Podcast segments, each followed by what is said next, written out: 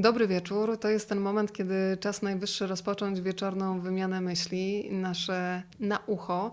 A dzisiaj będziemy nadstawiać ucho, e, słuchając e, współczesnej prozy rosyjskiej. W moich rękach już teraz książka Dziewięć opowiadań z obłędem w tle i to ją będziemy dzisiaj wspólnie czytać. A witam dzisiaj w swoim imieniu, ale również e, w imieniu Centrum Polsko-Rosyjskiego Dialogu i Porozumienia, bez którego to spotkanie dzisiaj nie mogłoby się odbyć. I już teraz przenosimy się do domów naszych gości, fantastycznych przewodników, którzy będą nas wprowadzać w świat współczesnej literatury rosyjskiej. Razem z nami są Polina Justowa, dobry wieczór. Dobry wieczór. Polina jest językoznawczynią, jest tłumaczką. To między innymi w jej przekładzie pojawił się Gotland Mariusza Szczygła, również eseje Andrzeja Stasiuka. Jest wykładowczynią i podczas tej rozmowy poznają jeszcze Państwo całą masę talentów e, tej kobiety. E, Polina, powiedz, gdzie jesteśmy razem z Tobą, bo ja nadaję z Warszawy. Polina jest gdzie? Też w Warszawie. Też w Warszawie i przenosimy się teraz do Janka, który gdzie zakotwiczył? W Krakowie, trochę dalej, e, ale w Krakowie. To bardzo się cieszę, że jesteśmy już w Warszawie i w Krakowie, a Państwa proszę o to, żeby dawali nam znać, w jakich miejscach na świecie nas y, słuchacie, bo bardzo często podczas tych spotkań okazuje się, że jest międzynarodowo, dzielą nas nawet tysiące kilometrów, ale emocjonalnie i tak wierzę, że będzie również dzisiaj, będziemy bardzo blisko. Jan German jest tłumaczem, jest nauczycielem greki, łaciny, jest doktorantem na Uniwersytecie Jagiellońskim e, i podczas tej rozmowy, tak jak Państwu wspominałam, e, będziemy coraz bliżej poznawać naszych gości. Punktem wyjścia do naszego spotkania jest książka Dziewięć opowiadań z obłędem w tle. Nie byłoby tej rozmowy, gdyby nie wspomniane już Centrum Polsko-Rosyjskiego Dialogu i Porozumienia, no i fantastyczny projekt, który nazywa się Słowa na Słowa Polsko-Rosyjska Szkoła Przekładu. E, słuchajcie, to jest fantastyczny moment, kiedy bardzo ciężka praca mm, tłumaczy otrzymuje takie zwieńczenie w postaci książki i to nie jest pierwszy przypadek, że tak się dzieje dzięki temu projektowi, więc e, Polina poproszę Cię o taki króciutki rys historyczny, e, a jednocześnie podsycenie apetytu dla tych, którzy chcieliby wziąć udział w kolejnej edycji, bo wierzę, że kolejna edycja nastąpi na pewno nastąpi. E, więc początki tego projektu sięgają tak naprawdę czasów jeszcze, kiedy pracowa mieszkałam, pracowałam w Moskwie, bo ja pochodzę z Moskwy. E, tam się urodziłam. E, I tak się wydarzyło w moim życiu, że się zajęłam polską filologią i bardzo się zainteresowałam przykładem, w tym też literackim. Na szczęście w Moskwie wtedy funkcjonowało seminarium dla młodych tłumaczy polskiej literatury którym, seminarium, którym to seminarium e, kierowała pani Ksenia Starosielska, już niestety nieżyjąca, świetna i wspaniała tłumaczka i wspaniała osoba. Tak, która siedzi... 3 lata temu, prawda? W wieku 80 e, lat. tak. Pani Ksenia przetłumaczyła no w sumie chyba wszystko. Można powiedzieć Od... Chłaskę, prawda? Konwickiego, Hannę Kral, Dorotę Masłowską. Masłowskie nie, ale redagowała. Redagowała. Mhm. Redagowała. No generalnie po prostu prawie każda polska książka y, przeszła przez jej ręce y, i przez jej głowę. No więc y, przez wiele lat byłam uczestniczką takiego seminarium translatorskiego, które dało mi bardzo, bardzo dużo. I kiedy się przeprowadziłam do Warszawy, to też powstał taki, generalnie z, z Agnieszką też Sowińską, z którą prowadzimy razem to seminarium, bardzo chciałyśmy coś takiego zorganizować i tak nawet się spotkałyśmy, myślimy, dobra, no może to zrobimy jakoś razem, kogoś zaprosimy, tak prywatnie po prostu, siebie nawet w domu. E, a później z tym samym pomysłem zwróciło się Centrum Polsko-Rosyjskiego Dialogu i Porozumienia, więc generalnie wszystko tak się fajnie zgrało. E, i wychodziliśmy wszyscy z założenia, że bardzo chcemy pokazać współczesną Rosję. Dlatego też, jak pisze Galina Józefowicz we wstępie do tej antologii, że e, właściwie jest takie przekonanie, że rosyjska literatura to jest taka literatura, jak ona to ujęła, brodatych mężczyzn, czyli Dostojewski, Tolstoj, e, albo Tolstojewski nawet, czyli I bardzo mało Polacy wiedzą teraz, co zresztą też pokazują wyniki sondaży e, opinii społecznej, które też przeprowadziło Centrum Polsko-Rosyjskiego Dialogu. E, bardzo mało w ogóle wiedzą o współczesnej Rosji. Tak samo zresztą jak Rosjanie mało bardzo wiedzą o współczesnej Polsce i tym bardziej o kulturze. Jeżeli chodzi na przykład o wyniki sondaży, no to Jeżeli jakiekolwiek Rosjanie mają skojarzenia z kulturą, to jest mniej więcej oscyl- oscyluje wokół 5%, tak naprawdę. No i to się wszystko kończy, yy, nie wiem, Cztery Pancerni i Pies, Anna German. Yy, Oczywiście to, to jakby wszystko świetnie, tylko, tylko no, troszkę już jesteśmy... Wielki zając, prawda? Wielkie zaj- tak, jeżeli mówiąc, y, mówić o, y, o y, Kulturze Polakach, takiej, tak, tak. o kulturze rosyjskiej w Polsce, no to też jest mniej więcej, jeżeli chodzi o literaturę, to Lew Tolstoj, Czechow, i, no i tym to się kończy. No więc bardzo chcieliśmy to przełamać, bardzo chcieliśmy pokazać, jak e, różnorodna i jak w sumie inna jest Rosja tak naprawdę niż ta, która, mm, która jest w telewizji, która jest w takich e, jakichś, mm, która się pojawia w radiu, na przykład jeżeli chodzi o politykę i te wszystkie rzeczy. E, I też kolejnym naszym założeniem było stworzyć środowisko tłumaczy bo też bardzo trudno takiemu początkującemu tłumaczowi y, zacząć, nie wie od czego powinien w sumie zacząć, tłumaczy sobie coś do szuflady, więc bardzo byliśmy nastawieni na praktyczność tego seminarium. Nie chcieliśmy robić warsztatów dla warsztatów, co jest też fajne oczywiście i na uczelniach tak się robi, y, ale bardzo, bardzo nam zależało na tym, żeby później efektem tej pracy pokłosie była książka prawdziwa na papierze, staroświecko na papierze, chociaż ta akurat się ukazała też w wersji e-booku, Yy, i żeby nauczyć też tłumaczy yy, nawet takich rzeczy typu jak napisać portfolio, do, jak się zwrócić do wydawnictwa, na co trzeba zwrócić uwagę. Yy, Mamy taki warsztat też sztukę niecałowania klamek, co jest bardzo ważne, bo też wszyscy Piękna tak nazwa. zazwyczaj górnolotnie mówią y, o tłumaczeniach, że o, to tłumacz sobie siedzi i wena przylatuje i on sobie tworzy w odosobnieniu. Trochę to tak jest, ale bardzo chcieliśmy też troszkę bardziej praktycznie do tego podejść. No więc Jak pomysł powiedz- taki. Jak powiedziałaś o tym warsztacie e, z niecałowania e, klamki, to przypomniała mi się fantastyczna reporterka Ewa Winnicka i powiedziałaś tutaj o tej wenie, jak to niektórzy myślą, że ona przychodzi, my czekamy i pisarze, tłumacze, tak jest. No to ona powiedziała w to bardzo w prosty sposób, nie wiem czy się zgodzicie, że pisanie to jest niestety bardzo trudny związek tyłka z krzesłem. Powiedziała to wprost. I to jest wysiadywanie godzin i wymyślanie. Więc e, pomysł się narodził. E, Powiedzmy o tych projektach, które są już za nami, zanim zanurzymy się w dziewięciu opowiadaniach z obłędem w tle.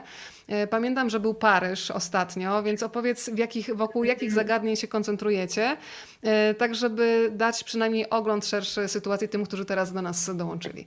Tak, no więc jak już postanowiliśmy, że robimy takie seminarium, to trzeba było wybrać tekst.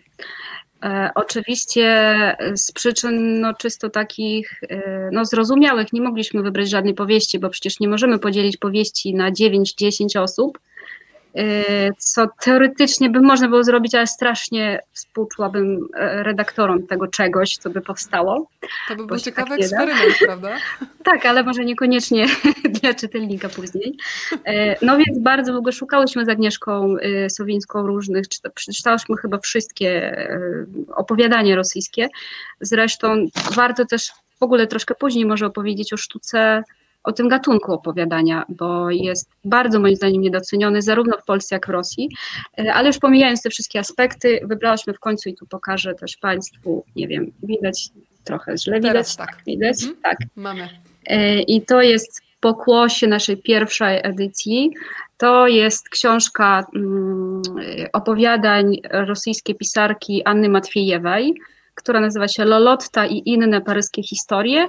I ona w bardzo ciekawy sposób patrzy na Francję, bo nie, nie każde opowiadanie dotyczy Francji. To jest bardzo, czasami ta Francja jest gdzieś w Jekaterynburgu, ale gdzie, albo gdzieś w ogóle na, jakimś, na głębokiej rosyjskiej prowincji, więc to jest tak rozumiane bardziej metaforycznie. E, To też są bardzo różnorodne, różnorodne opowiadania, aczkolwiek napisała je jedna autorka. E, No więc to było takie pokłosie pierwszej edycji. Przy kolejnej się zastanawiałyśmy, no dobrze, ale co teraz? E, I wpadliśmy na taki pomysł, że można by stworzyć antologię właśnie, żeby pokazać taką różnorodność. E, I zaprosiliśmy do współpracy znaną krytyczkę literacką Galinę Józefowicz, która nam taką właśnie antologię stworzyła. Tak, i pomysłem było jeszcze, to znaczy troszkę jeszcze mm, do przodu, jakby mówiąc, bo mamy już teraz w tej chwili czwartą edycję tego e, naszego projektu. i podczas pracy w trzeciej edycji przetłumaczyliśmy też, też antologię opowiadań, ale zrobioną przez krytyka literackiego, faceta, też bardzo znanego, Aleksandra Gawriłowa, a teraz pracujemy nad współczesną dramaturgią.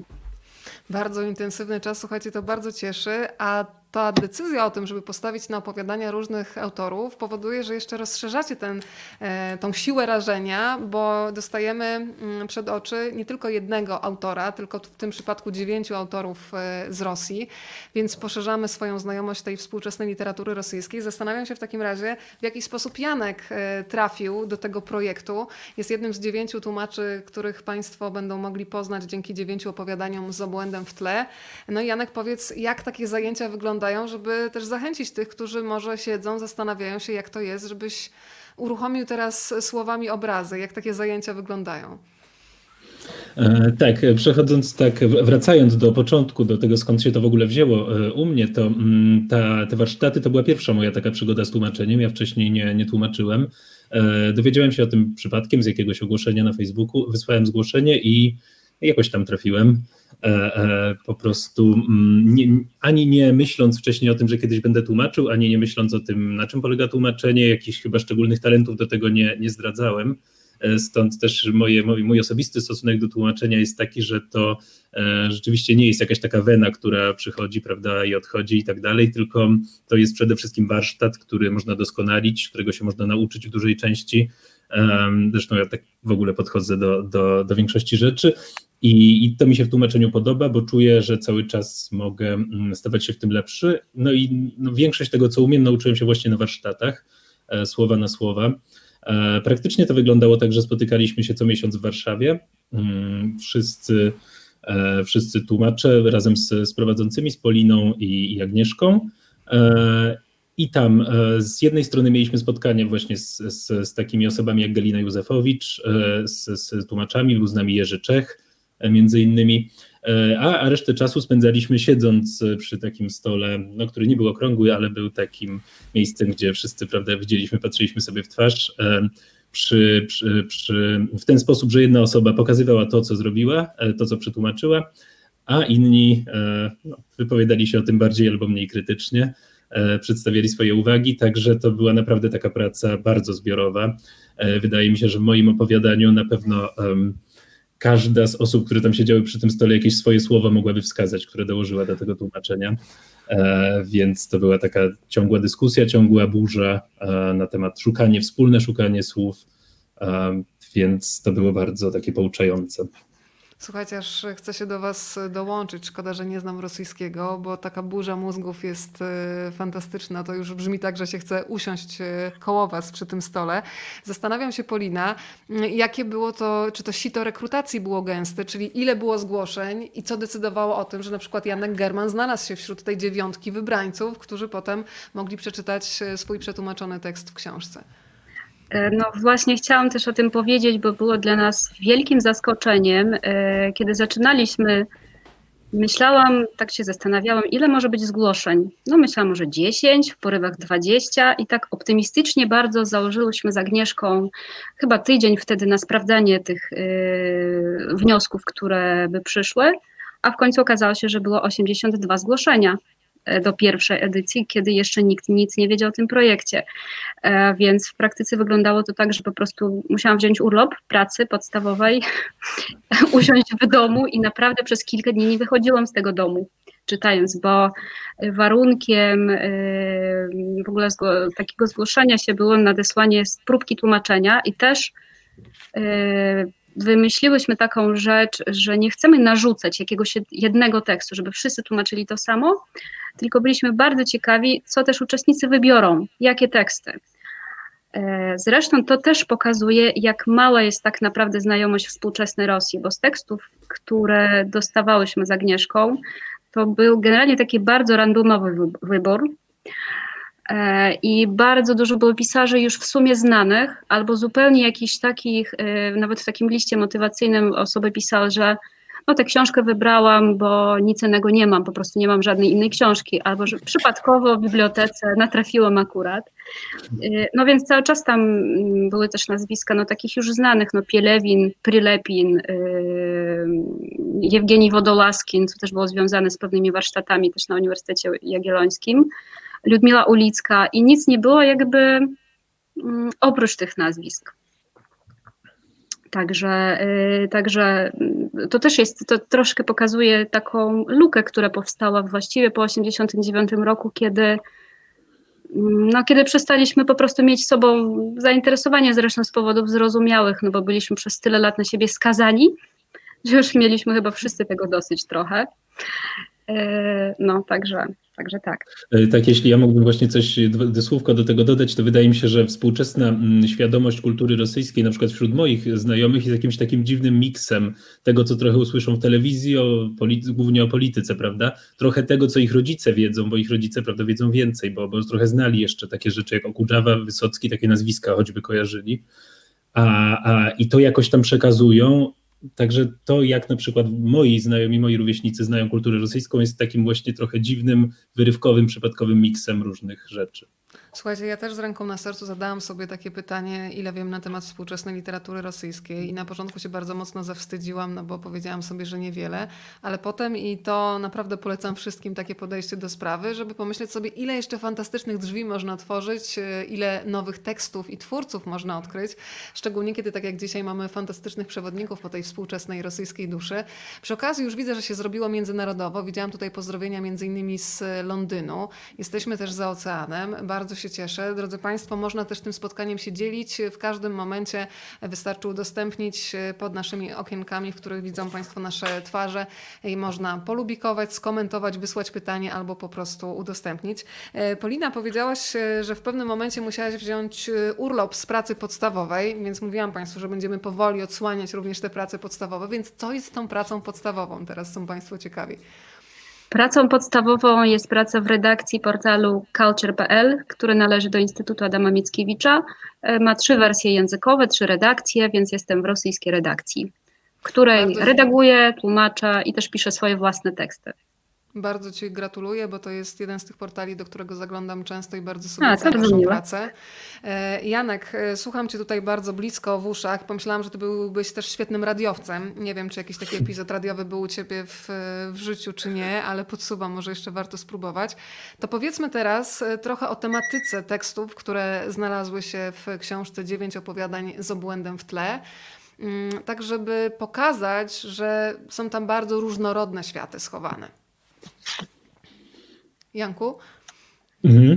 E, dobrze, to, to ja może zacznę od kilku słów o opowiadaniu, które ja tłumaczyłem, e, bo tak. też od razu e, odkryję, że to jest opowiadanie, które najbardziej lubię z tego zbioru. Nie wiem, czy to jest w związku z tym obiektywne, czy, mm, czy po prostu tak się już z nim zżyłem, że, że gdzieś tam weszło we mnie i mnie, mnie dalej porusza, kiedy je czytam. Umarowne. Marowna, tak. E, opowiadanie. Jego autorem jest pan o pseudonimie Suchbat Aflatuni. E, ten, ten pseudonim pochodzi z języka uzbeckiego, on jest Uzbekiem, oznacza dosłownie dialogi Platona. E, to zdradza filozoficzne zainteresowanie autora. Natomiast co jest ciekawe, to właśnie to, że autor jest Uzbekiem piszącym po rosyjsku i to opowiadanie dzieje się właśnie, jego akcja dzieje się w Uzbekistanie.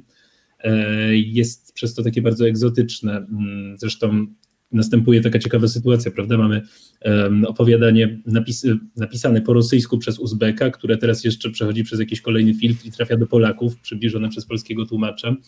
E, I wydaje mi się, że, że to rodzi coś, coś naprawdę fajnego. E, zresztą, no nie tylko to jest ciekawe w tym opowiadaniu, że prawda jest trochę egzotyczne, ale mm, ono porusza jakiś taki ważny temat miejsca człowieka w świecie, jego kontaktu z naturą. E, jest też przy tym takie pozytywnie dziwne. Tak bym to określił. Dla mnie to opowiadanie, które ty przetłumaczyłeś, to jest taką trochę opowieścią o szaleństwie, I okazuje się, że w tym szaleństwie e, są ludzie, którzy jako, jako niby szaleni zachowują jedynie wrażliwość. Tam jest przepiękna opowieść o drzewach, gdzie tak zwana, e, nie wiem, normalna społeczność konkretnego osiedla kompletnie nie reaguje, nawet nie widzi tego, co się dzieje, a jedyną osobą, która reaguje jest ta, która jest przepostrzegana przez tą społeczność jako ktoś szalony. Pozwolicie może, że ja zacytuję fragment tej opowieści, bo ona jest niezwykła, bardzo mocno działa na człowieka. Janek, to teraz twoje słowa i słowa oczywiście Suchbata Afłatuniego w moich ustach, umarowna. Piła radośnie wchodzi w drewno. Drzewo drga, spadają liście. Gałąź leci w dół i z klapnięciem uderza o asfalt. Na dźwięk piły spalinowej biegnie umarowna. Ubrana jest w męski czapan, na nogach ma malinowe kapcie. Za nią niezgrabnie truchta gruba Inga w dresie. Ryk piły milknie. Rozlega się jęk. To jęk umarowny. Okna, dotąd zamknięte, otwierają się. Niektórzy mieszkańcy bloku schodzą na podwórko, żeby zobaczyć cały spektakl, a potem jeszcze przez tydzień o nim debatować. Umarowna to nasza atrakcja. Mieszka owa atrakcja na pierwszym piętrze w kawalerce, bez maski gazowej lepiej nie wchodzić. Żyje sobie cicho, więc żadnych skarb nie trzeba na nią składać. Poza tym opiekuje się nią Inga. Inga z czwartego piętra, w dresie, duża, głośna kobieta.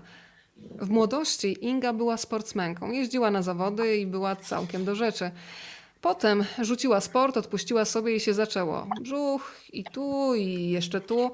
Stara nie jest, koło pięćdziesiątki. Ale jak wpadniesz na nią po ciemku, kiedy na klatce znowu wykręcą żarówki, to po sprawie. Koszmary masz przez całą noc. Idzie na ciebie takie coś po schodach, takie, no, takie coś. Tupie i sapie, a echo mu wtóruje. Przywitasz się? Ono tobie też coś tam rzuci i znowu sapie. Obejść nie ma tego jak, całe schody zajmuje. Czekasz aż dojdzie do półpiętra, żeby to minąć. Spytasz o zdrowie, żeby przeczekać. A kto teraz ma zdrowie? W końcu półpiętro, obchodzisz ją, wreszcie ona dalej się toczy. Do umarowny? Do umarowny, a niby do kogo?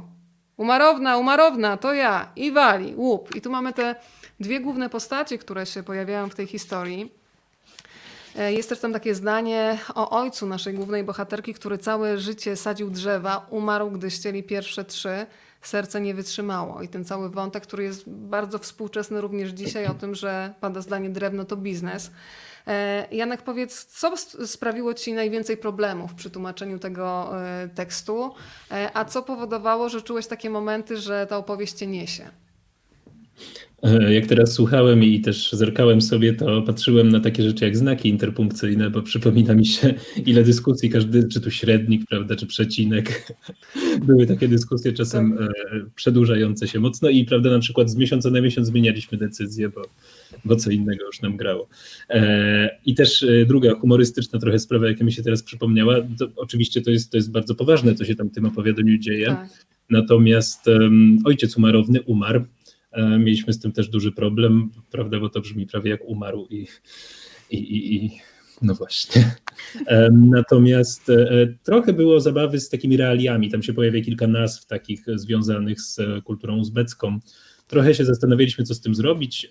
W końcu e, postanowiliśmy trochę, trochę Nawet ten męski czapan, prawda? Czapan, Czapan, e, e, coś tam jeszcze jest i postanowiliśmy w sumie, wydaje mi się, że słusznie, że zostawimy to tak jak jest, nie damy nawet przypisu, tam nie ma przypisów, już e, wyrzucało mi to parę osób, że nie ma przypisu, no to nie wiedzą. No ale mogą sobie sprawdzić, prawda, to nie jest trudne sprawdzić sobie, co to jest, a to sprawia, dodaje jakiegoś takiego smaczku egzotyki, wydaje mi się. Powiem E, wam, że to działa, bo ja to potraktowałam jak faktycznie taką y, wędkę y, wielokrotnie, może nie wielokrotnie, ale kilka razy podczas czytania dziewięciu opowiadań z obłędem w tle. Trafiałam na słowa, których znaczenia nie rozumiałam. Tam jest między innymi takie coś, co się nosi na... e, To jest słowo na K w języku rosyjskim, zaraz mi e, przypomnicie, co to jest. E, Nosi się na ramionach, kiedy się dźwiga takie ciężary. Zaraz wam dam znać, o co mi chodzi. Żebym nie była tutaj gołosłowna. E, Koromysło. Na przykład. To było słowo, którego ja nie znałam.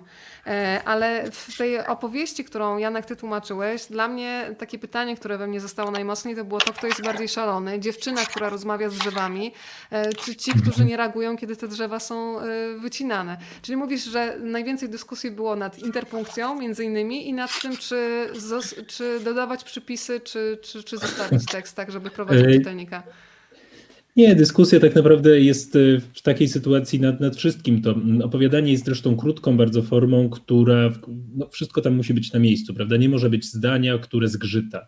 E, Słowa muszą e, grać ze sobą dobrze. E, e, To, jak brzmi zdanie, zależy od tego, jak brzmi poprzednie zdanie i tak dalej. Więc przy takiej układance, jaką jest opo- opowiadanie, to ka- każde zdanie wywołuje tak naprawdę dyskusję, nad każdym trzeba się dobrze zastanowić. Słuchajcie, to teraz mnie uświadomcie, bo być może ja popełniłam błąd, a skoro błąd, to trzeba mi go wytknąć i go szybko naprawić. E, Koromysło to jest polskie słowo. Polskie czy nie polskie? Polina, uratuj nas. Ono też jest polskie. Znaczy ja Też. tak naprawdę nie, nie, nie, nie powiedziałabym teraz, jakie ma pochodzenie, ale w polskim jest, tylko jest mniej używany po prostu. Okej. W sensie w rosyjskim współczesnym, no to też nie bardzo, bo to jest bardzo wiejskie, jednak już od dawna nie używane. Jasne. Mamy też, słuchajcie, pozdrowienia nawet z Kapsztadu, z RPA od pana Eryka. No. To jest niesamowita siła internetu, że dzielą nas tysiące kilometrów, a tak jak zapowiadałam, emocjonalnie dzisiaj możemy być bardzo blisko. To jestem bardzo ciekawa, e, Polina, mm, twojej opinii, szczególnie jako osoby, która zainicjowała e, ten projekt z Agnieszką Sowińską. Które z opowiadań jest najbliższe twojemu sercu? Myślę o tej książce, którą dzisiaj trzymam w dłoniach, dziewięć opowiadań z obłędem w tle. Właśnie spadła mi na podłogę oczywiście w momencie. To są najlepsze rzeczy podczas spotkań na żywo. E, tak, moimi chyba tutaj faworytami e, są takie e, opowiadania, zaraz powiem. E, to jest opowiadanie Marii Galiny, Cześć Stare. Przybijamy piątkę tutaj. Tak, tak. I to jest właśnie opowiadanie Natalii Mieszczaninowej Życzenie. Oj tak. E, Tak, to są zupełnie różne opowiadania. E, no, Maria Galina w ogóle jest autorką taką e, bardzo różnorodną, która pisze więcej może takiej literatury fantastyczno-naukowej. Zresztą to też opowiadanie pochodzi z takiego tomiku. Akurat nie jestem fanką takiego typu literatury. ale To opowiadanie jest naprawdę świetne. Ono jest o takim, nie będę też Państwu zdradzać szczegółów, bo to warto przeczytać, Tak E, nie wiedząc tak na początku, o co tam chodzi tak naprawdę, ale generalnie to jest opowiadanie o, marz- o marzeniach, o sile marzeń, o tym, e, jak mm, całe życie może być zrujnowane przez nieodpowiednią decyzję albo takie zrządzenie losu w pewnym momencie. E, Więc tutaj ten Bet Santa, albo taki święty Mikołaj, ale taki zły, przechodzi, żeby przeprosić no, za to, że w pewnym momencie tam coś nakombinował nie tego z tym prezentem, ale już dalej nie będę zdradzać też. Yy, I też ten bohater główny, który w tym opowiadaniu jest takim, tak, tak świetnie opisanym, takim panem średnim wieku, w takim dresie, który tak naprawdę jest bardzo, no nijaki tak naprawdę, życie mu się nie ułożyło, ale tak specjalnie może go to nie martwi już w tej chwili, już tak się przyzwyczaił, siedzi w tym dresie z tym piwem, i już nie marzy o takich rzeczach, jak marzył wtedy w dzieciństwie, bo chciał zostać piratem, a został takim no, inżynierem w jakiejś takiej podrzędnej firmie. Także to jest. Zresztą tam jest bardzo, bardzo fajne zdanie, też może zacytuję, bo jest króciutki fragment e, o tym, że tak naprawdę nawet spełnione marzenia wcale nie dają szczęścia. E, I to jest taki dialog pomiędzy tym świętym Mikołajem i bohaterem. Mm, Mówi ten bohater ale przecież zdarzają się chyba trafione prezenty. Są przecież no, tacy, którzy mogą sobie pozwolić. I święty Mikołaj powiada, a ty myślisz, że spełnione marzenie przynosi radość? Chciał na przykład chłopak czerwony wóz strażacki yy, z wysuwaną drabiną, syreną i tym wszystkim. Tak bardzo, aż go w brzuchu ściskało. Dorośli nawet baby tak nie pragną, jak tamten chłopak wozu strażackiego. Biegnie więc do choinki, stoi tam pudełko przywiązane tasiemką, Rozwiązuje tasiemkę, otwiera pudełko, patrzy, jest. Drabina się wysuwa, miga, wyje, lśni, powinien więc zestrać się- się ze szczęścia, ale zamiast tego czuje jakąś straszną pustkę. A tam, gdzie było marzenie, zieje metafizyczna dziura. Uwielbiam ten fragment. Sama się zastanawiałam, czy go mogę zacytować, czy nie, więc cieszę się, że Polina to zrobiła, bo to jedno zdanie Państwo dokładnie wiedzą, o jakie mi chodzi. Po prostu robi całą robotę, jeżeli mogę powiedzieć tak kolokwialnie. Nie wiem, Galina, czy miałaś, y, ja, ja czytając to opowiadanie, gdzieś miałam w głowie Edgara Kereta, to też jest przecież mistrz krótkich form opowiadań. Myślę o jakimś takim jego czułym spojrzeniu na rzeczywistość, w którym jest poczucie humoru, jest dystans, ale jednocześnie w tym wszystkim jest y, światło. Y, To ja Państwu jeszcze może fragmencik y, związany z tym mm, naszym świętym Mikołajem, który się pojawia w domu Siergieja Stiepanowicza. E, Polina świetnie nim powiedziała, że jest taki wycofany. Tam też jest taki moment, że on się wycofuje z tego życia towarzyskiego, ponieważ te spotkania sprowadzają się do tego, że wszyscy się chwalą samochodami i swoimi osiągnięciami. On nie za bardzo ma się czym pochwalić, więc e, po prostu się e, wycofuje. Mm, Od razu powiemy, że zostaje wyciągnięty z wanny. To też jest świetny wstęp do opowiadania, bo od razu się człowiek utożsamia. Zawsze, kiedy wchodzę do wanny, na przykład dzwoni kurier. Nie wiem, czy wy tak macie, ale zawsze wtedy trzeba wyskoczyć, ubrać to, co jest gdzieś pod ręką i po prostu mu otworzyć drzwi. I tak jest też z naszym e, bohaterem. No i mamy tak. Niewyraźną świąteczną handrę zagłuszył codziennymi sprawami.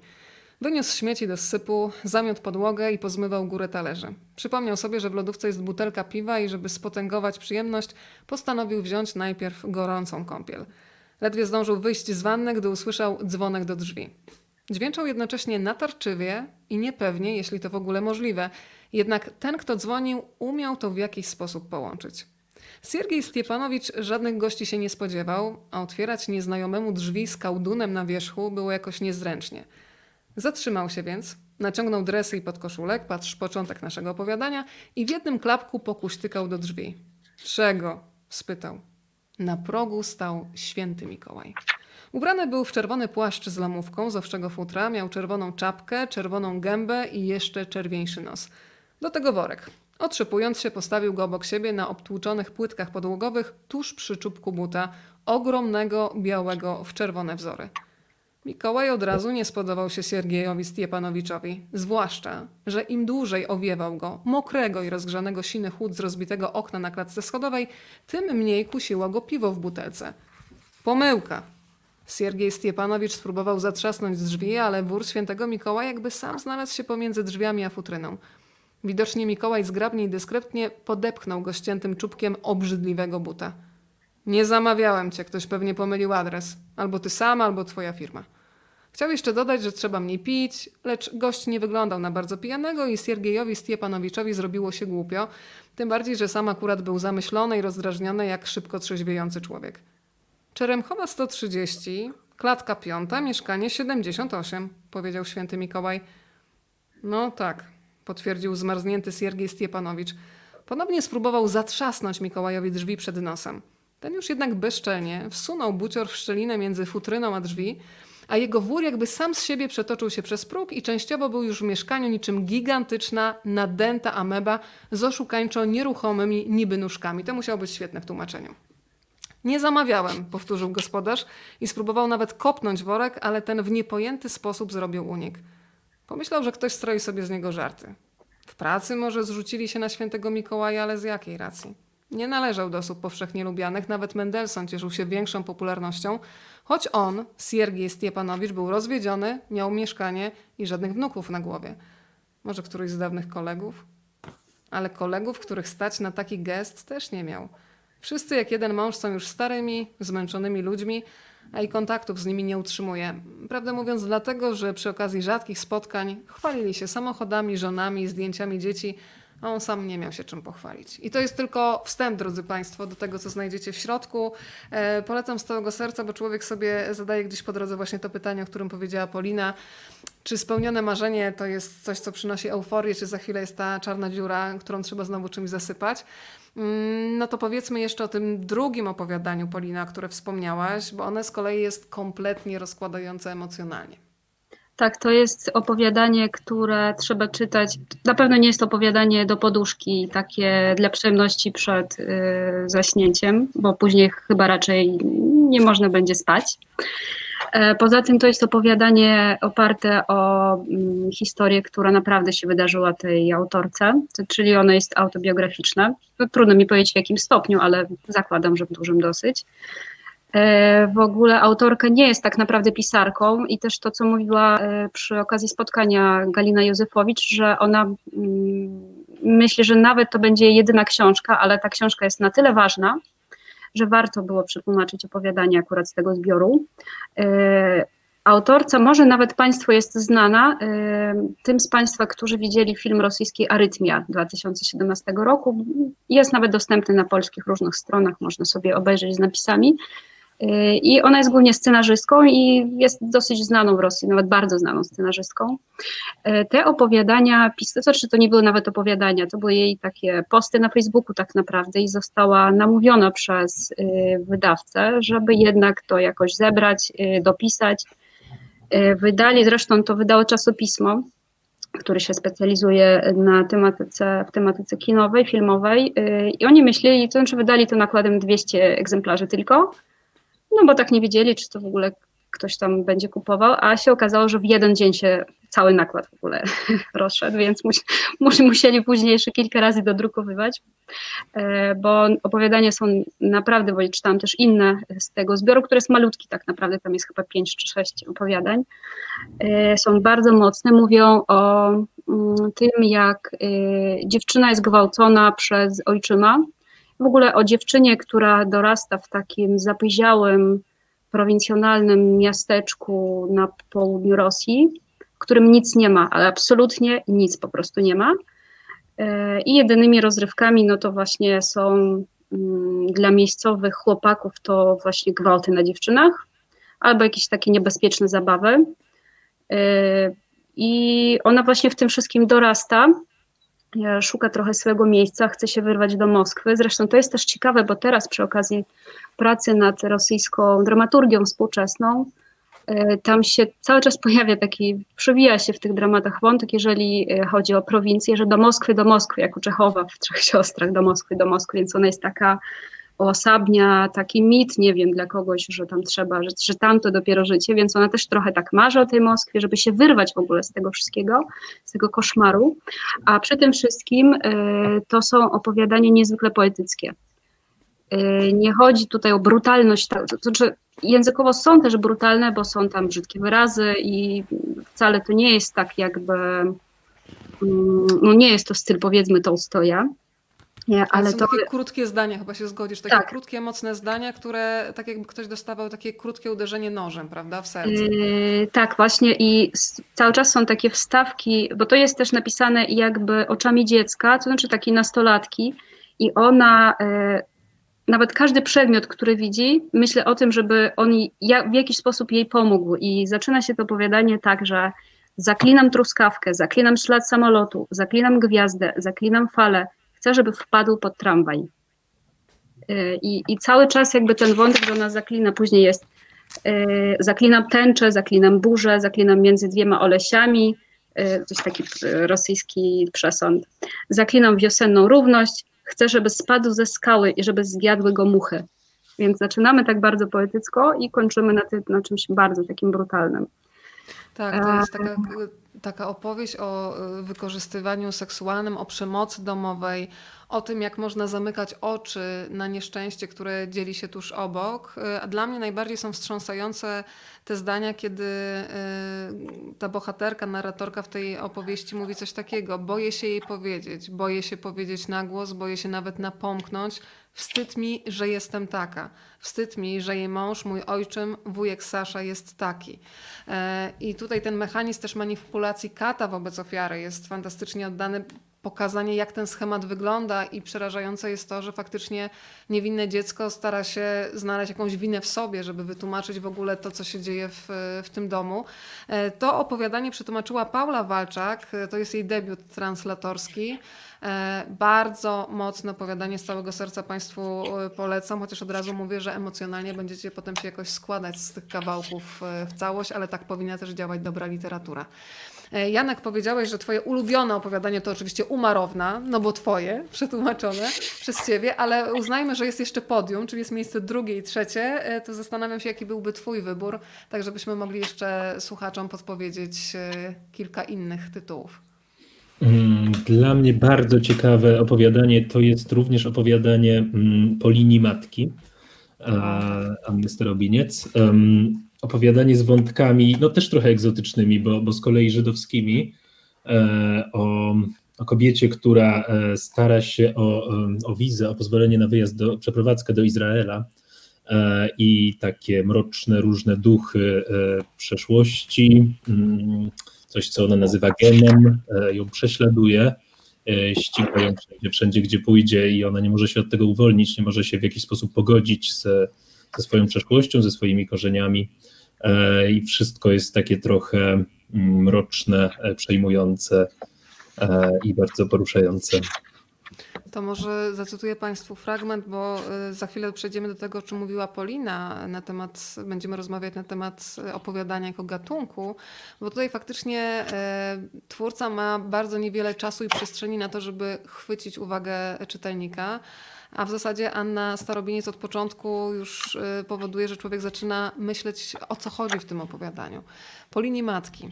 Czy cierpi pan pani na choroby wymagające opieki medycznej? Jeśli tak, proszę wpisać je w rubryce poniżej. Przy tym pytaniu Masza kolejny raz się zawahała. To było trudniejsze nawet od wypełnienia rubryki z danymi matki. Poczuła, jak wilgotnieje jej bluzka pod pachami. Mogła nie zakładać poliestru. Gdyby wiedziała, że spędzi cztery godziny w tej dusznej, zakratkowanej klicce, wypchanej rozdrażnionymi, chcącymi opuścić kraj ludźmi, założyłaby bawełnianą koszulkę. Przyłożyła długopis do maleńkiego białego kwadracika obok słowa nie, ale nie zdecydowała się go zaznaczyć. To byłoby kłamstwo. A w ankiecie nie należy kłamać. Gdyby na przykład przyszła już tam na miejscu na pierwszą wizytę lekarską i opisała objawy, a opiszę je na pewno, przecież po to chcę wyjechać, żeby mieć zapewnioną opiekę medyczną i godne traktowanie. Po ludzku, a nie jak tutaj. Już ona dobrze wie, jak tutaj leczą już ona dobrze wie, jak to tutaj leczą, więc cały czas jesteśmy w, w, pewnym rodzaju tajemnicy. O wszystkim opowie, a doktor będzie miał pretensje. Czemuż Złotko skłamałaś w ankiecie? Napisałaś, że jesteś zdrowa, a tutaj proszę. Przecież ten lekarz na pewno będzie miał dane z ankiety. Czy nie? I to jest taka krótka sytuacja, że mm, ja w ogóle teraz jak czytam, to mam wrażenie, że spokojnie możemy to rozegrać jako taką scenkę filmową, że my po prostu czujemy strach tej bohaterki. E, on jest taki wręcz fizjologiczny, ta bluzka. E, powiedzmy trochę o tym, jak, e, że część z tych opowiadań jest wręcz pisana, zresztą wśród pisarzy, autorów e, są też e, scenarzyści, prawda? Więc to chyba nie są przypadki, że widzimy stęki filmowe. No akurat Anna Starobiniec tak. chyba nie jest scenarzystką, nie. Z, tego, co, tak. z tego co wiem przynajmniej. Ale chyba pisarka, dziennikarka, ona jest nazywana też rosyjską królową horroru, dobrze pamiętam? To ona? Mm, nie wiem, czy tak jest nazywana, ale rzeczywiście ma w swoim dorobku. Ma w swoim, tak, Yy, takie opowiadanie też, też pisze dużo dla dzieci. Ostatnio nawet Słuchaj, po polsku się. Scenarzystka Polina. Scenarzystka. Tak, A, no, tak aha, no czyli jednak ta scenka filmowa. Tak. Okej, okay, no to mhm. pewnie tak, masz rację. Yy, właśnie niedawno ukazał, yy, ukazała się książka w przykładzie Agnieszki Sowińskiej, Wilczanora dla dzieci. To jest kryminał świetny, który jest mega popularny wśród rosyjskich dzieci i te dzieci wręcz nawet rozmawiają cytatami z tych książek. Wow. Więc bardzo też przy okazji Państwu polecam ewentualnie pod choinkę dla dzieci, bo to jest naprawdę bardzo fajna książka. Tam jest główny bohater Borsuk, który prowadzi śledztwo. Ma też takiego adaptowanego syna borsukota, nie wiem nawet jak to w tłumaczeniu, chyba tak to zostało, e, który tak, on tak naprawdę jest kotem, e, ale chce, bardzo chce być borsukiem, więc ma tak, taką podwójną osobowość trochę i jest takim neurotycznym. No więc tam i tam oczywiście jeszcze cała ta intryga kryminalna się dzieje cały czas. Anna Starobiniec jest taką autorką która jest owiana tak naprawdę awanturami, raczej skandalami takimi obyczajowymi, dlatego że zasłynęła mm, na Facebooku przede wszystkim e, z tego, że e, opisywała chorobę swojego męża. Znaczy, może warto nadmienić też, że ona zbierała pieniądze na jego, bo on zachorował na raka e, w młodym wieku, był też bardzo znanym, cenionym dziennikarzem. I zbierając te pieniądze, no musiała jakby składać powiedzmy raporty, jak co się dzieje i tak dalej, więc to wszystko opisywała na Facebooku. No niestety terapia okazała się nieskuteczna. No i później opisywała też swoje przeżycia po śmierci męża, z którym była bardzo blisko. No i oczywiście wokół tego się rozpętała burza od razu, że to jest PR na śmierci, PR na chorobie i tak dalej. E, więc ona jest taką autorką bardzo kontrowersyjną z jednej strony, ale z drugiej strony oczywiście ona podejmuje się bardzo potrzebnych, bardzo mocnych tematów, o których no nie mówi się tak bardzo we współczesnej Rosji, przynajmniej otwarcie. Też ona ma książkę na swoim koncie e, Popatrz na niego o śmierci e, dziecka. dziecka prawda? Mhm. Tak. E, zresztą opisuje cały czas swoje doświadczenie, bo będąc w ciąży dowiedziała się, że niestety to dziecko ma nieuleczalną chorobę i umrze zaraz po porodzie, więc opisuje te rozterki, stan też medycyny w Rosji, później w Niemczech, bo tam pojechała też na operację zabieg, czy tam na, no, na żeby się z tym uporać. I, I też generalnie tą książką wszystkich obraziła. I rosyjsk, rosyjską medycynę, i niemiecką, nie przy okazji absolutnie wszystkich.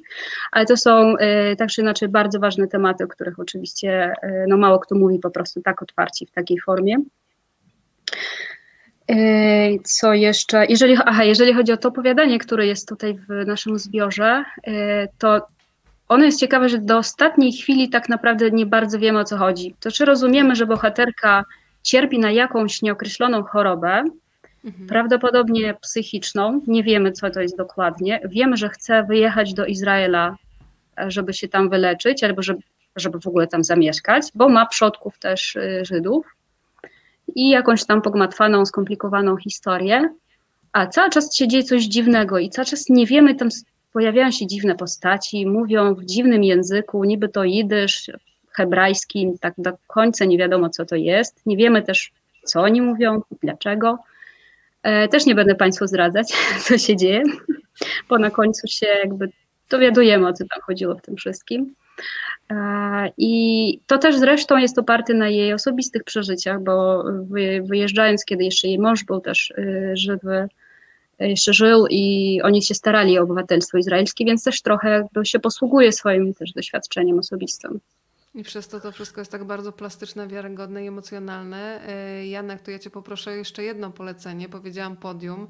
E, po linii matki, Umarowna i kto jeszcze się załapie na podium? E, właśnie tylko chciałem jeszcze, jeszcze jedno słówko mm, do tego, prawda, że bohaterka Anny Starobiniec cierpi na jakąś formę, mm, tak podejrzewamy, czytając jakiejś choroby psychicznej, to no jest to ciekawe, że tytuł e, antologii nadaliśmy jednak później, kiedy już opowiadania były wybrane, nie, nie były zamyślone jako, jako opowiadania z obłędem w tle. Tak po prostu się okazało w trakcie, że, że trochę tak jest. E, no, ciekawa sytuacja. A to słuchajcie, to e, obudziłeś we mnie ciekawość. Janek, teraz poproszę cię, żebyś zdradził jednak, bo ja jestem przekonana, że ten tytuł od razu nie padł i tak od razu wszyscy powiedzieli tak, dziewięć opowiadań z obłędem w tle, tylko pojawiały się pewnie dziesiątki pomysłów. Jakie były przynajmniej dwa, trzy, rzućcie, które mogły się znaleźć na okładce, ale ostatecznie zostały przegłosowane i się nie znalazły. E, chyba jakichś takich rewelacji nie było. To znaczy, no, myśleliśmy o tym, jak to, jak to zrobić, żeby to było ciekawie, mm, biorąc pod uwagę też fakt, że jednak czytelnicy aż tak opowiadań nie lubią. Więc e, zatytułowanie zbiorku po prostu antologia opowiadań no, raczej, raczej nie wchodziło w grę. E, mieliśmy różne żartobliwe pomysły związane ze słowami, które najczę najczęściej, z którymi najczęściej musieliśmy się zmagać, takimi jak prawda, bohater się wzdrygnął. Tak, to, to jest właśnie, e, przepraszam, że tak wchodzę w słowo, ale to jest strasznie ciekawe, że też mam okazję popatrzeć na rosyjską literaturę troszkę pod innym kątem i rzeczywiście się okazuje, że absolutnie w każdym tekście ktoś wzdryga. W każdym. I to wiele razy.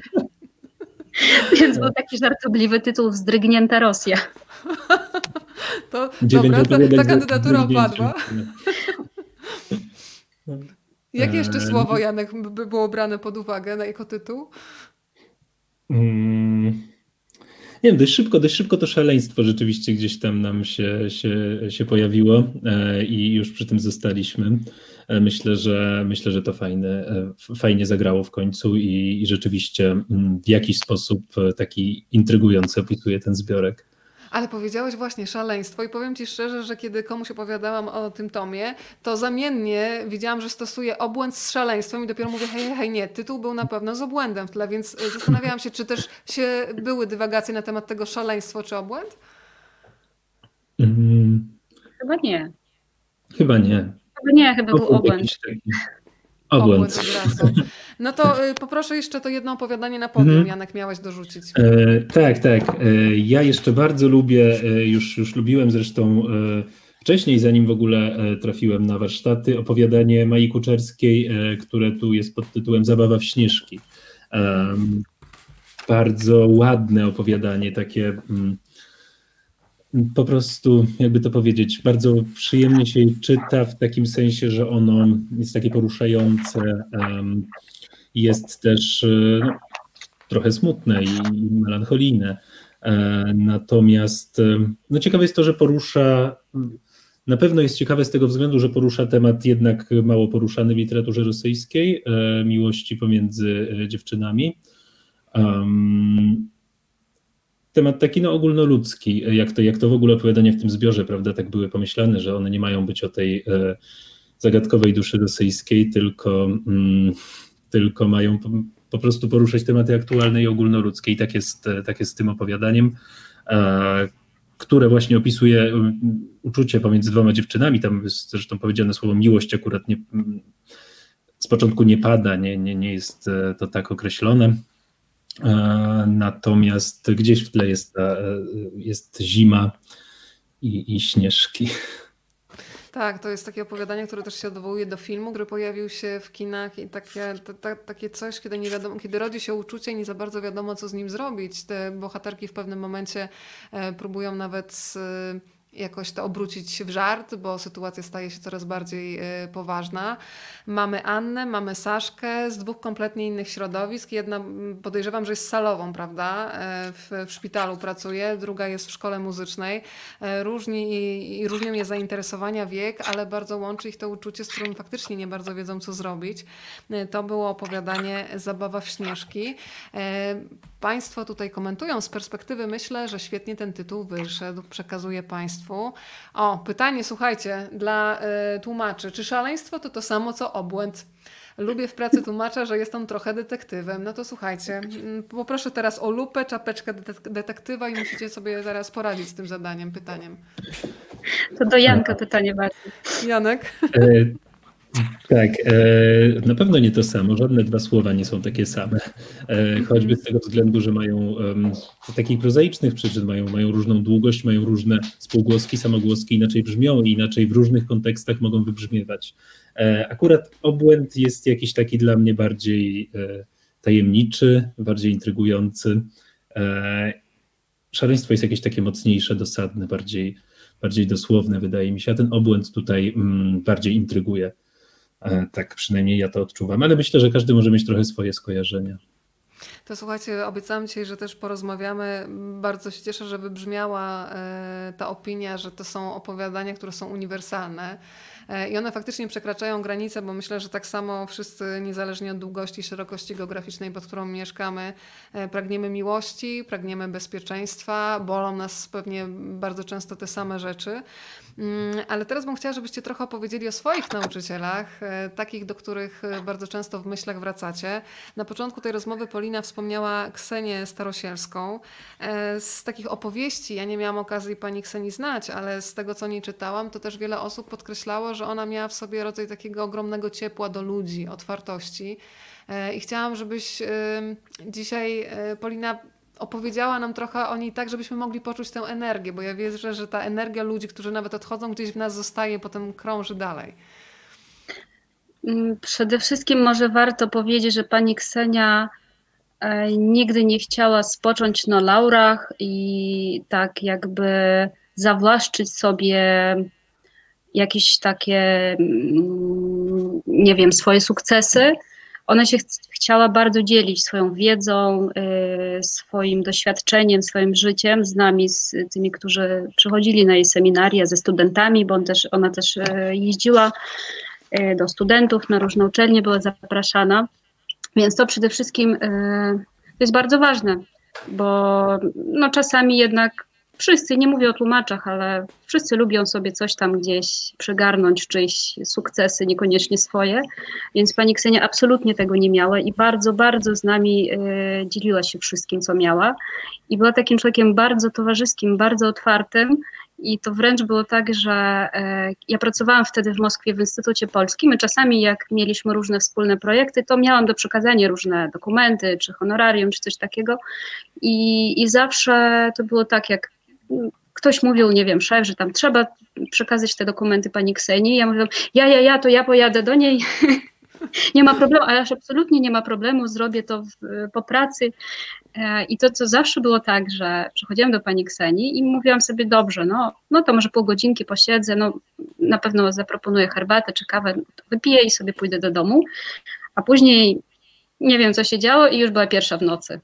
Wow, zazdroszczę takich spotkań. Tak, to są tacy ludzie, w których towarzystwie czas po prostu mija o tak, jak stryknięcie palcami, a okazuje się, że są dwie, trzy, cztery godziny. E, Janek, to ja Ciebie poproszę o takie, o Twoje wspomnienia najważniejszych dla Ciebie nauczycieli. E, to mogą być osoby związane z, z Twoim zawodem, ale też mam na myśli takich nauczycieli życia, którzy też potem wpływają na to, jakimi my jesteśmy ludźmi, ostatecznie też tłumaczami, nauczycielami e, i o takie najważniejsze zasady tego rzemiosła, które wyniosłeś w pracy tłumaczeniowej. Co jest najistotniejsze? Mm, jeśli chodzi o żelazne zasady, to niestety muszę tutaj zacząć od czegoś, co stanowi dla mnie, bez, bez oczywiście żadnych e, imion i nazwisk, ale czegoś, co stanowi dla mnie pewien e, antywzór, którego, na który należy uważać, żeby się do niego za bardzo nie zbliżyć. E, to znaczy, ja jestem też filologiem klasycznym, interesuję się literaturą łacińską i grecką. E, I e, niestety w Polsce jest z tym bardzo duży problem. To znaczy, te tłumaczenia, które mamy literatury greckiej i łacińskiej, bardzo piękne i bardzo ciekawe, i którą można by świetnie przybliżyć czytelnikom, e, są takie, że jak się to czyta, to, to krzyczy od razu, napisał mnie filolog klasyczny.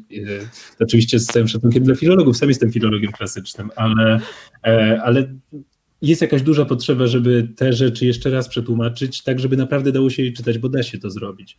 Są tego, są tego lepsze przykłady. A niestety um, uczniowie ze szkół nie mają dobrych wspomnień z czytania Sofoklesa i Aeschylosa, bo, bo jest to niestety niezbyt dobrze przetłumaczone. Może treść, treść oddaje, ale nie oddaje ducha, e, nie oddaje jakiegoś takiego piękna, które tam jest. Mm, więc to też jest dla mnie taka motywacja, e, żeby mm, tłumaczyć tak, żeby to się naprawdę dało czytać jako e, dobrą literaturę. najwięcej na pewno nauczyłem się takich praktycznych rzeczy na warsztatach e, od, od Poliny, Agnieszki, ale też po prostu od innych, którzy tam tłumaczyli, tłumacząc, pracując, robiąc to mm, od strony zupełnie praktycznej. to było naprawdę, naprawdę wiele godzin, które razem spędziliśmy. E, ja w ogóle myślę, że, że człowiek, e, co jest teraz, co teraz, teraz widać w tym świecie, e, kiedy jesteśmy online cały czas, trochę brakuje mi tego we wszelkim nauczaniu, co ja nazywam nauczaniem przez osmozę. To znaczy najwięcej uczymy się od, od ludzi, z którymi jesteśmy, siedząc tuż obok, chłonąc jakby ich, jak, ich, ich w całości, z gestami, z mową ciała, ze, ze wszystkim. Więc na pewno te, te wiele godzin spędzonych tam w Warszawie przez osmozę bardzo wiele mnie nauczyło i od innych uczestników, i od, od e, Poliny, od Agnieszki. Polina, to chyba jest bardzo miłe uczucie teraz, kiedy się słyszy takie słowa. Agnieszka Sowiecka, mam nadzieję, że też ogląda. E, to twoje najważniejsze zasady, które z pewnością podczas tych zajęć, podczas warsztatów wpuszczałaś dalej w świat. Może trudno mówić o jakichś takich żelaznych zasadach.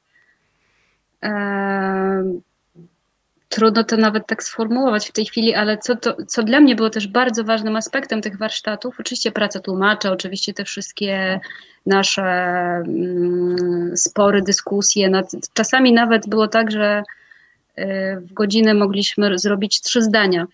To wcale tak nie jest, że mm, musieliśmy, nie wiem, że mogliśmy zrobić nawet jedną stronę tekstu, bo czasami po prostu nie, nie mogliśmy się do go, jakby wybrać jednego, dobrać tego słowa ani brzmieniowo, ani semantycznie. To jest wszystko oczywiście wspaniale i, i bardzo ważne, ale y, dla mnie może najważniejszym aspektem tych warsztatów było stworzenie środowiska, stworzenie ludzi, którzy się wspierają nawzajem, którzy się znają.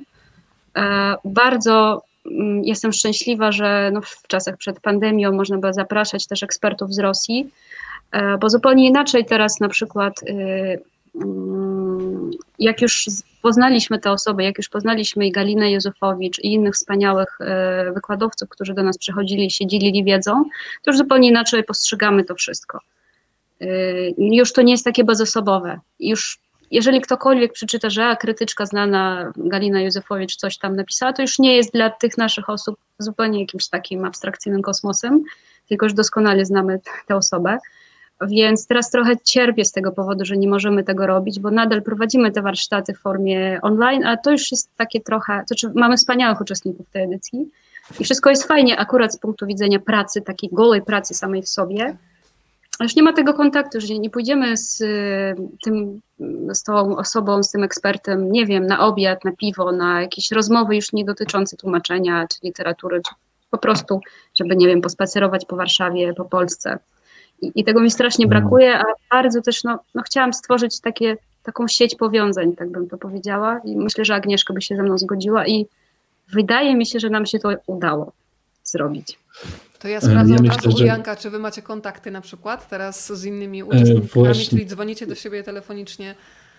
Chciałem, chciałem na ten temat powiedzieć nie tylko o uczestnikach, ale też właśnie o takich osobach, e, które były zapraszane jako goście e, na nasze warsztaty. To rzeczywiście było niesamowite, że mogliśmy e, nawiązać jakąś taką bliższą trochę więź też niż, niż tylko na mm, takim online spotkaniu, powiedzmy, że ktoś mówi, my pytamy.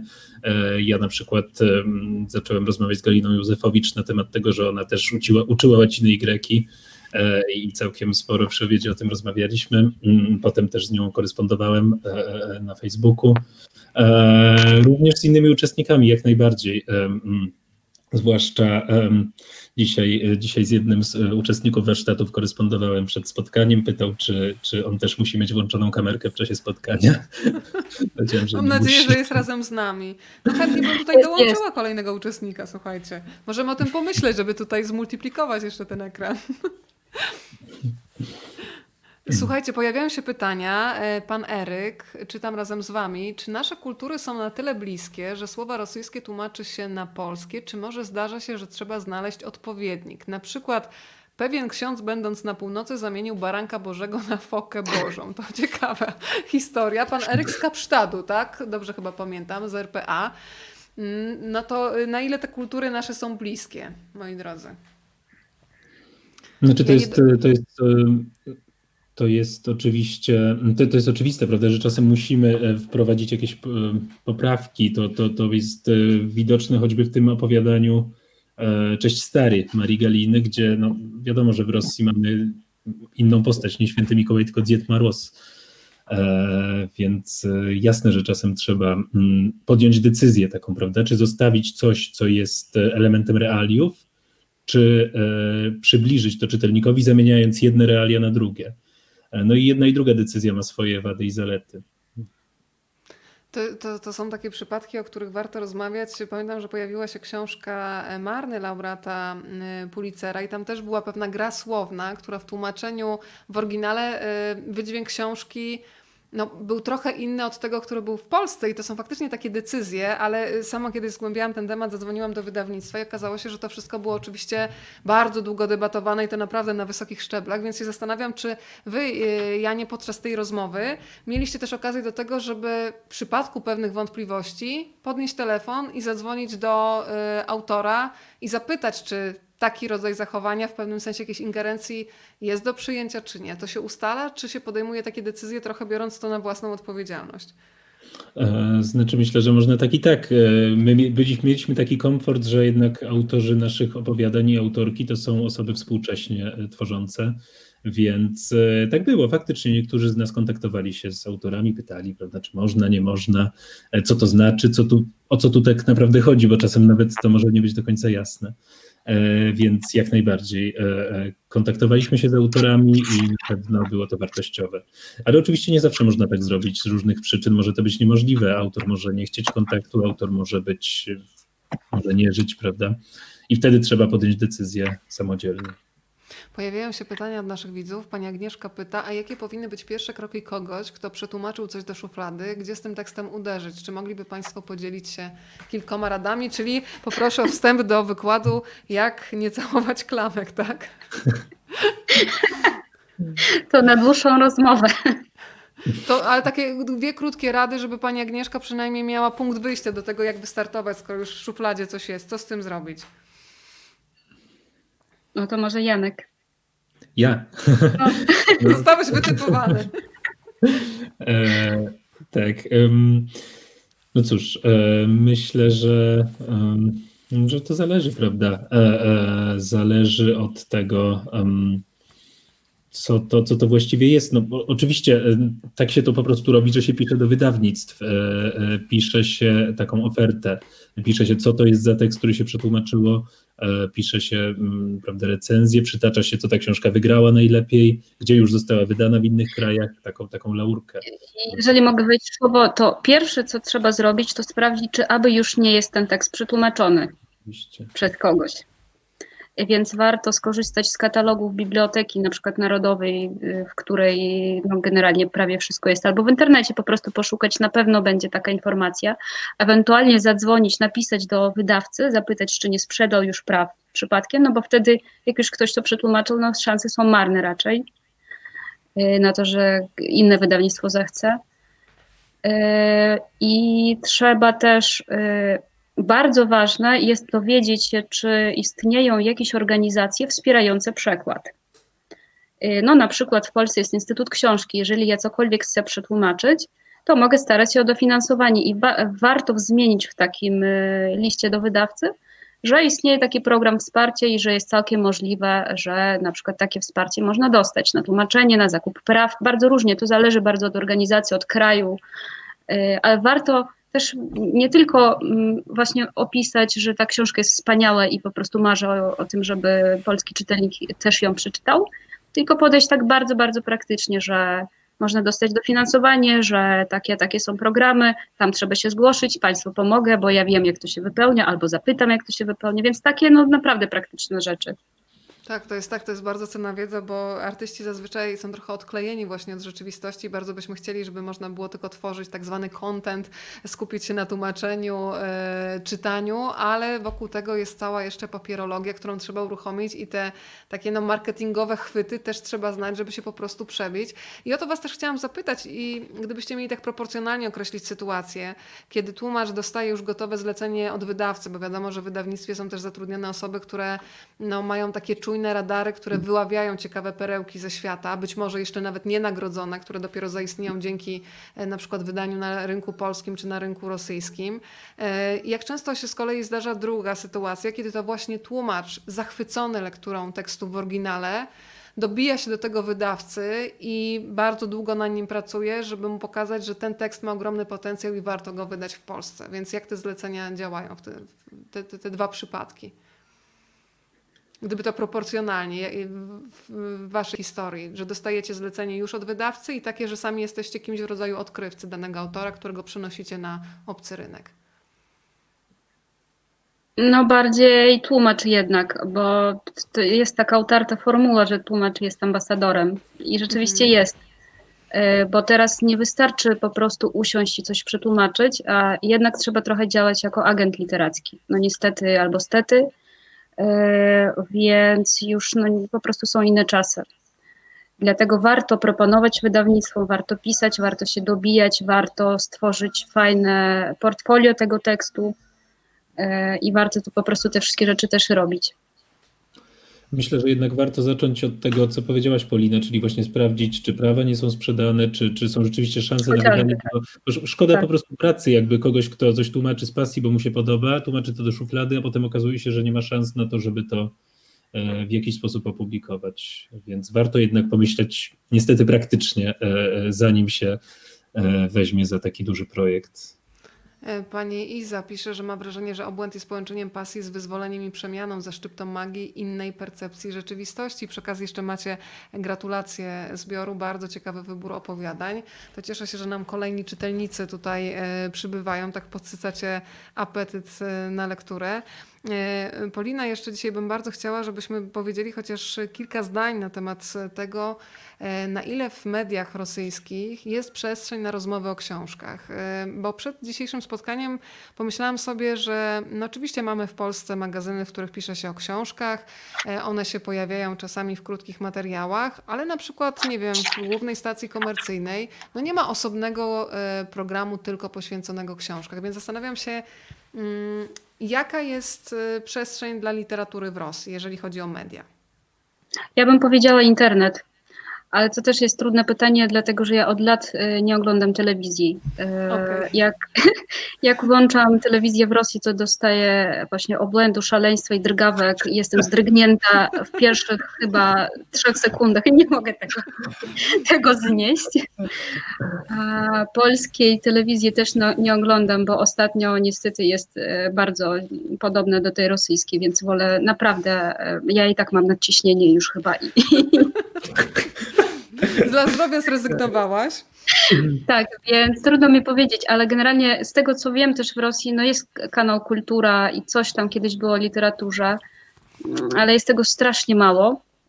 A za to mamy, jeżeli chodzi o internet, to jest kilka wspaniałych portali o literaturze. Jest portal y, Polka, czyli Pulka, który w bardzo ciekawy, współczesny, nowoczesny sposób opowiada o literaturze rosyjskiej klasycznej, współczesnej też XX wieku oczywiście, ale takie nawet o lekturach szkolnych, ale w sposób ciekawy, nie tak jak nudna nauczycielka. Chociaż w sumie to też jest taki trochę stereotyp, że y, nauczycielka od literatury musi być nudna, nie zawsze tak to jest. Akurat moja była bardzo nudna, ale, ale to jest wspaniałe naprawdę.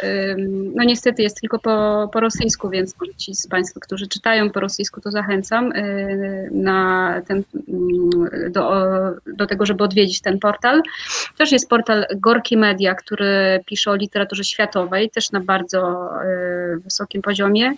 No i są podcasty, na przykład też te, które robi Galina Józefowicz yy, i jej recenzje na yy, stronie Meduza, takiej yy, rosyjskiej, też znaczy po rosyjsku i po angielsku ta strona jest. Więc to raczej powiedziałabym, że internet jest taką przestrzenią teraz, zdecydowanie. No i Facebook oczywiście. Słuchajcie, to jeszcze muszę powiedzieć o jednej rzeczy, która jest y, bardzo dużym atutem tej książki, bo ja lubię, kiedy się opisuje człowieka, mm, opisując jego talent, dokonania, e, opisując jego funkcje, ale też drobnostki. E, I, I, przy każdym tłumaczu też są takie krótkie opowieści z nim związane. Na przykład Sebastian Markiewicz, który przetłumaczył opowiadanie Cześć e, stare Marii Galiny, przyznaje się do tego, że nie używa smartfona. Jedna z tłumaczek napisała, że miała koszmary, to jest ciekawe, mm, w dzieciństwie że jej e, nauczycielka rosyjskiego strzela do niej z kałasznikowa, więc to jest ciekawe, że jednak mimo wszystko tłumaczy teraz z tego języka na język polski.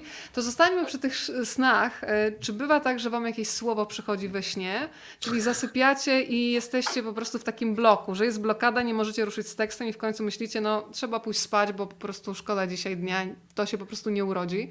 Przychodzą słowa we śnie? Najczęściej. Ale trzeba natychmiast zapisać, bo się zapomina. Tak, tak ja mam, tak, mam notes, przy, generalnie ja mam notesy wszędzie. Ja mam w plecaku, we wszystkich torebkach, mam notes na szafce nocnej, e, bo bardzo często mi przychodzi coś do głowy, nawet jak o tym nie myślę, bo taki czas przed zaśnięciem, czasami jeżeli nie jestem zestresowana czymś takim no, z bieżących spraw, no to sobie myślę też czasami o tych książkach i, i nagle mam olśnienie po prostu w tym momencie. Więc notes mam zawsze przy sobie.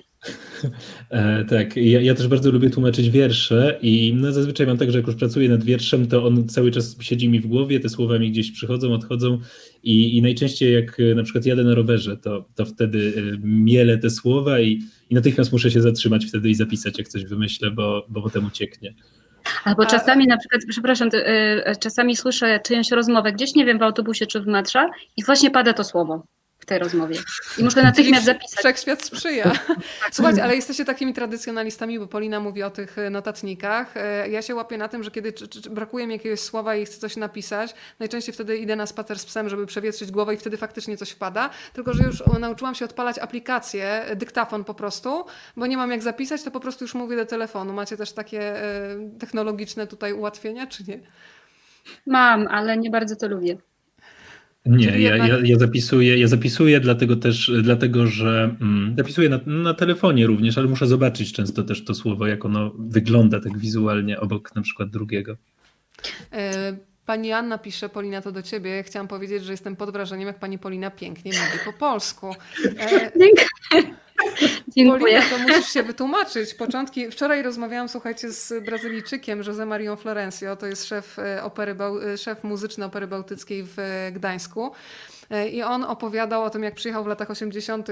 do Łodzi, do Polski, uczył się języka polskiego i zapytałam go takie jego ukochane słowo, które brzmiało mu pięknie w tym języku, chociaż jeszcze nie znał jego znaczenia. I powiedział, że cielęcina, że on nie rozumie, dlaczego Polacy mówili słowo kocham, bo ono tak brzmiało jakoś tak twardo. I cielęcina było dla niego jak wyznanie miłości, a dla mnie z kolei po portugalsku ushinelus, czyli kapcie, e, które w Polsce mi się kojarzą z rozdeptaną codziennością, to brzmi jak wyznanie miłości, więc takie słowo y, polskie ukochane Poliny. Bardzo jestem ciekawa, bo każdy ma swoje. Janek też cię o to zapytam, więc już myśl. W sumie chyba nie wiem jednego słowa ukochanego polskiego, mówiąc szczerze, ale zaczęłam się uczyć polskiego dlatego, że się zakochałam w brzmieniu w ogóle tego języka. Ja e, nie miałam nic wspólnego z Polską, absolutnie. Jak przyszłam na studia, to ja nie, nie załam ani słowa, nic po prostu. E, to jest długa historia, nie będę teraz o tym opowiadać, bo naprawdę jest druga, ale e, długa, ale po raz pierwszy w życiu usłyszałam Polaków będąc w Niemczech i totalnie się zakochałam w tym języku, nie rozumiejąc ni słowa. Ale powiedz, co cię urzekło? To chodziło o melodię języka? O melodię. I te wszystkie szcze, prze, trze bardzo mi się spodobały, wbrew pozorom. E, no to w takim razie to słowo zapytam Janka, ulubione słowo na przykład rosyjskie i jak dla ciebie właśnie brzmi melodia języka rosyjskiego? Mm, też nie potrafię podać jednego słowa, ale potrafię e, powiedzieć coś na ten temat.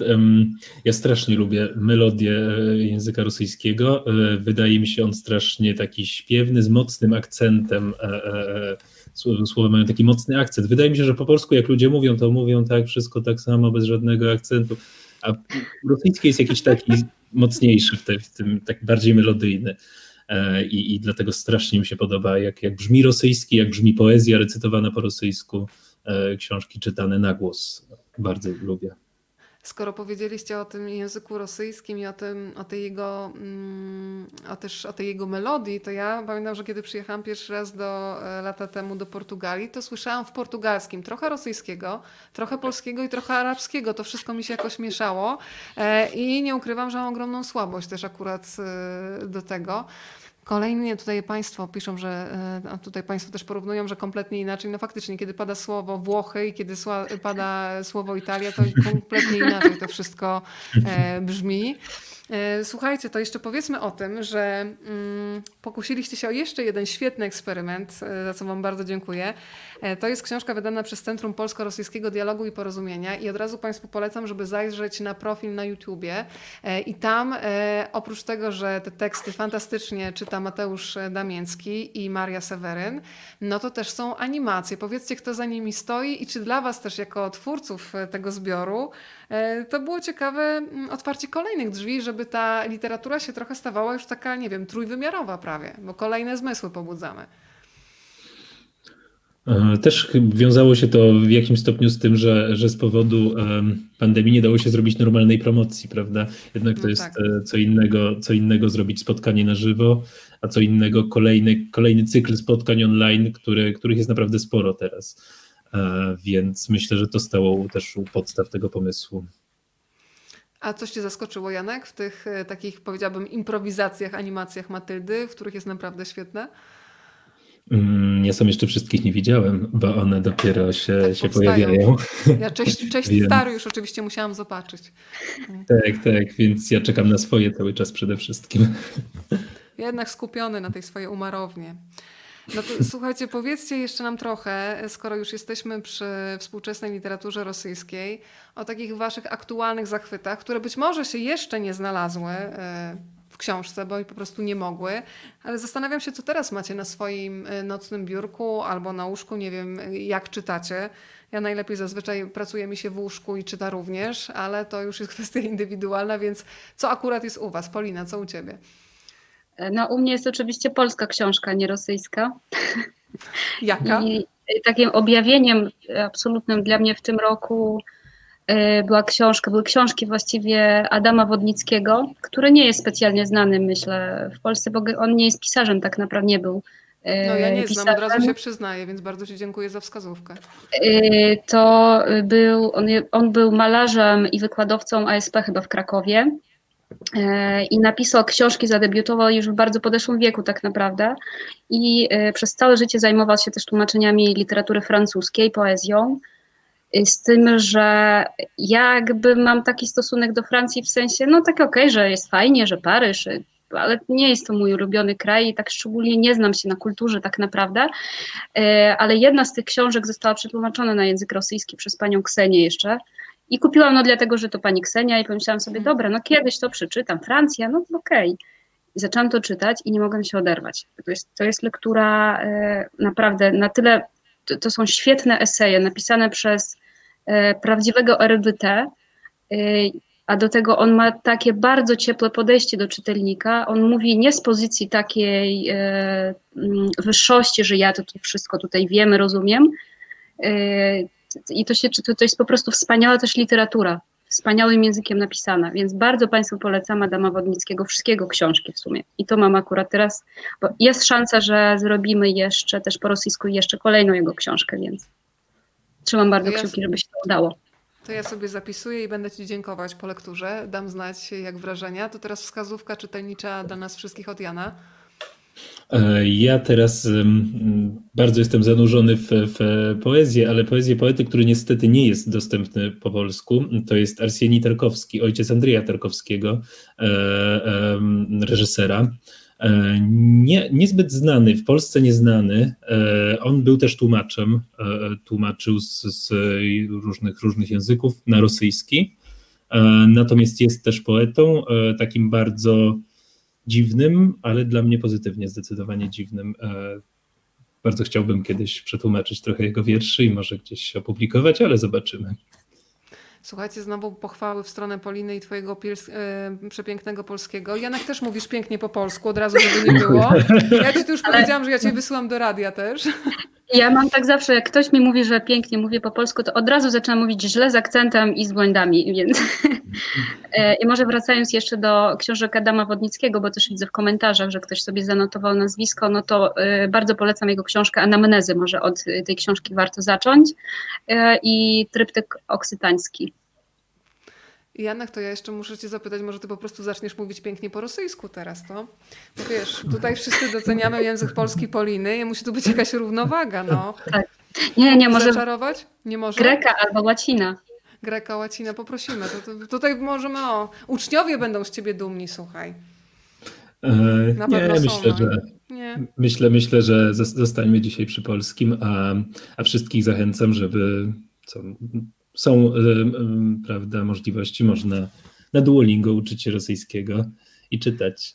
Słuchajcie, a czy wy, czy wy macie właśnie, o to jeszcze nie zapytałam, mm, nie mówi się właśnie, sama siebie teraz skarcę w głowie, no ale trudno padło. Czy macie w sobie jeszcze taką ciekawość do poznania nowych języków? Ja myślę, że my mamy w sobie taką zaporę jako dorośli już, że wydaje nam się, że o języka to tam się można uczyć, nie wiem, do 30 roku życia na przykład. E, A potem to już nie. Ja mam wrażenie, że najgorszą e, sprawą, która nam przeszkadza w nauce języków obcych, to jest perfekcjonizm, bo my od razu chcemy płynnie, bez błędów i sama widzę to u, u siebie, że kiedy wyjeżdżam za granicę i chcę się dogadać, mówię. Kiedy jestem w Polsce, od razu mi się włącza, o na pewno ktoś ocenia i zobaczy, że tu jest gramatyczny błąd i ja wtedy w ogóle tracę osobowość, się nie odzywam. Więc jak to jest u Was? Czy ma, ma, my, Wy macie jeszcze w sobie cały czas taki głód? Od razu powiem, że Janek jest tutaj nieprzyzwoicie młody, rocznik 94 y, do nauki, więc y, dobra, ujawniłam trochę faktów. To jak jest z tym głodem kolejnych y, języków? E, Tak, to w takim razie ja zacznę. Ja bardzo lubię uczyć się języków i, i rozmawiać w, w językach obcych i mm, wyzbyłem się trochę i wszystkich zachęcam do te, właśnie do tego, żeby wyzbyć się tego pędu do perfekcjonizmu, e, bo wydaje mi się, że to tak w Polsce tak, tak się dosyć myśli, że jak ktoś nie zna języka doskonale, to najlepiej, żeby w ogóle nie mówił, bo to wstyd, a to wcale tak nie jest. Poziom B1 języka to jest bardzo wysoki poziom, można się dogadać w większości mm, potrzebnych sytuacji. E, I, I jeśli chodzi o angielski, a jeśli chodzi o inne języki bardziej niszowe, no to w ogóle, prawda?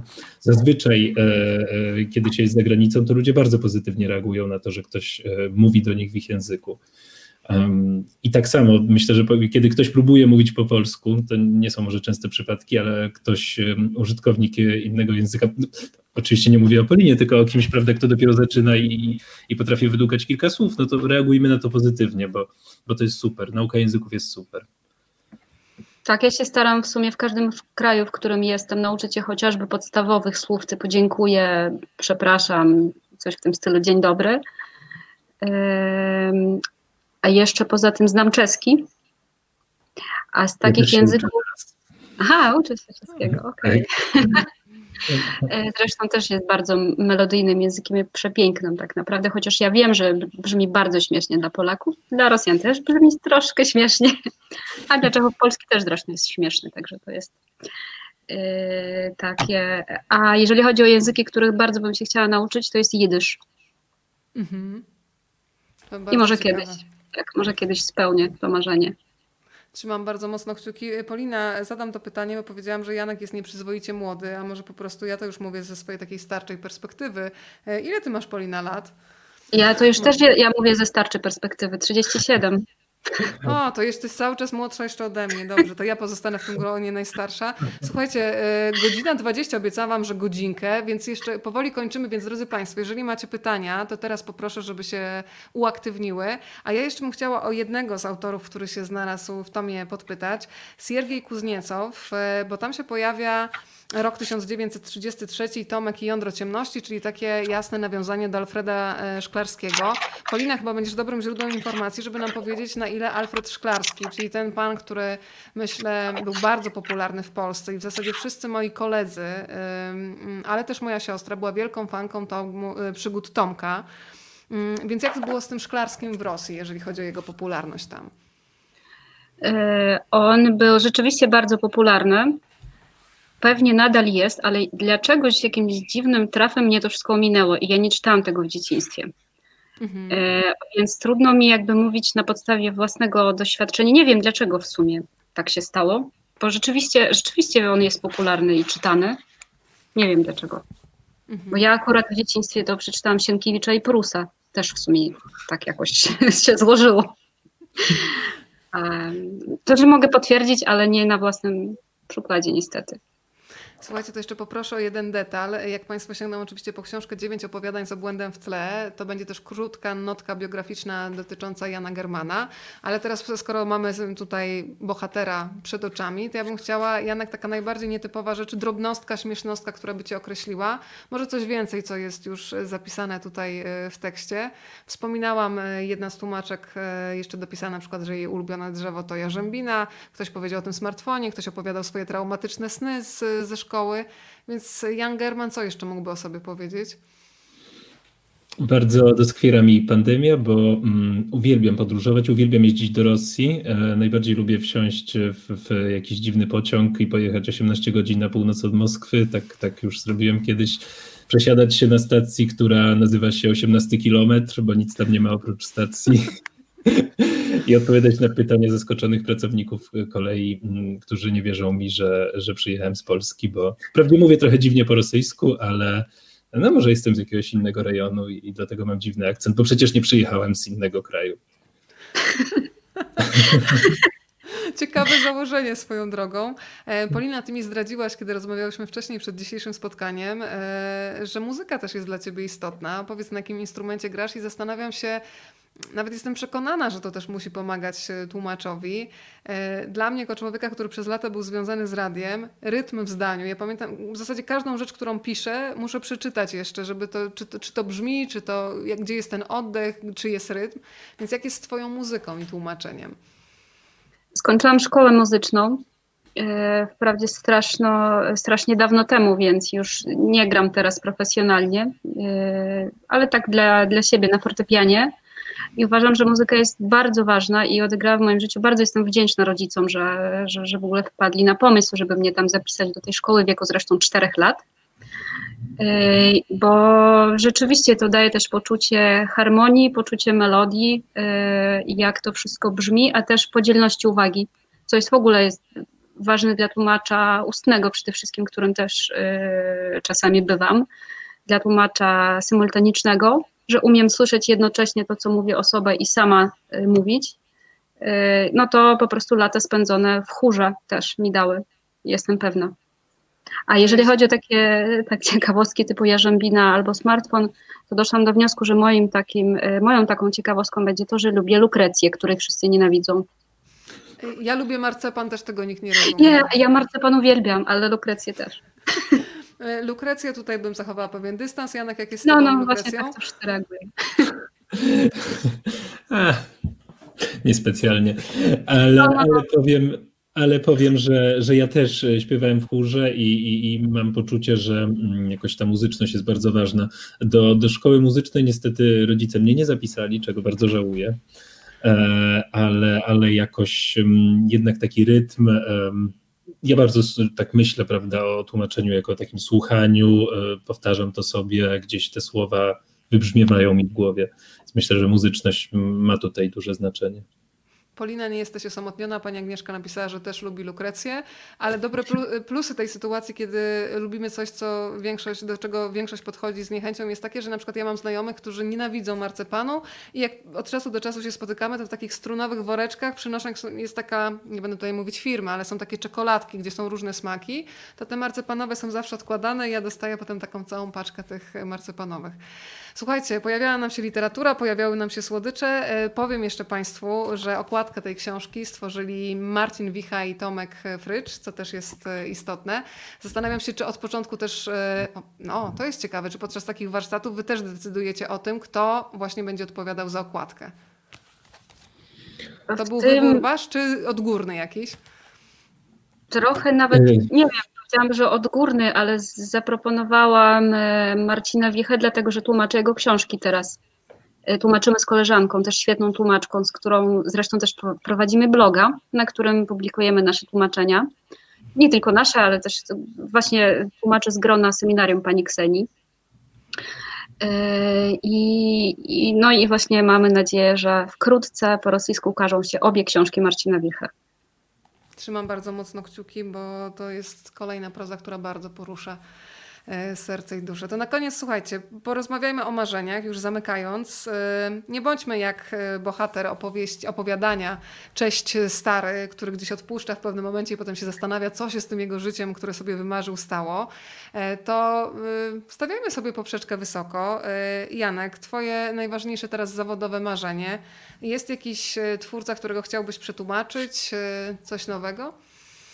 Strasznie bym chciał przetłumaczyć e, sporo różnych twórców literatury greckiej i rzymskiej, tak żeby się ich dało czytać i zachwycać tymi, żeby to naprawdę ładnie brzmiało, a nie jakieś mógłbym, gdyby, że oby, obyśmy coś tam e, przynajmniej w sposób oddany jakiś tam tryb przypuszczający, bo tak to filologicznie trzeba tłumaczyć, tylko tak, żeby to naprawdę ładnie brzmiało i żeby trafiało jakoś do serc e, czytelników, bo myślę, że to się da zrobić, no ale też ktoś musi chcieć to wydać i ktoś musi na nowo się, ludzie muszą na nowo się nauczyć chcieć to czytać, bo niestety y, przez to, jakie są przekłady, nie, nie zawsze chcą.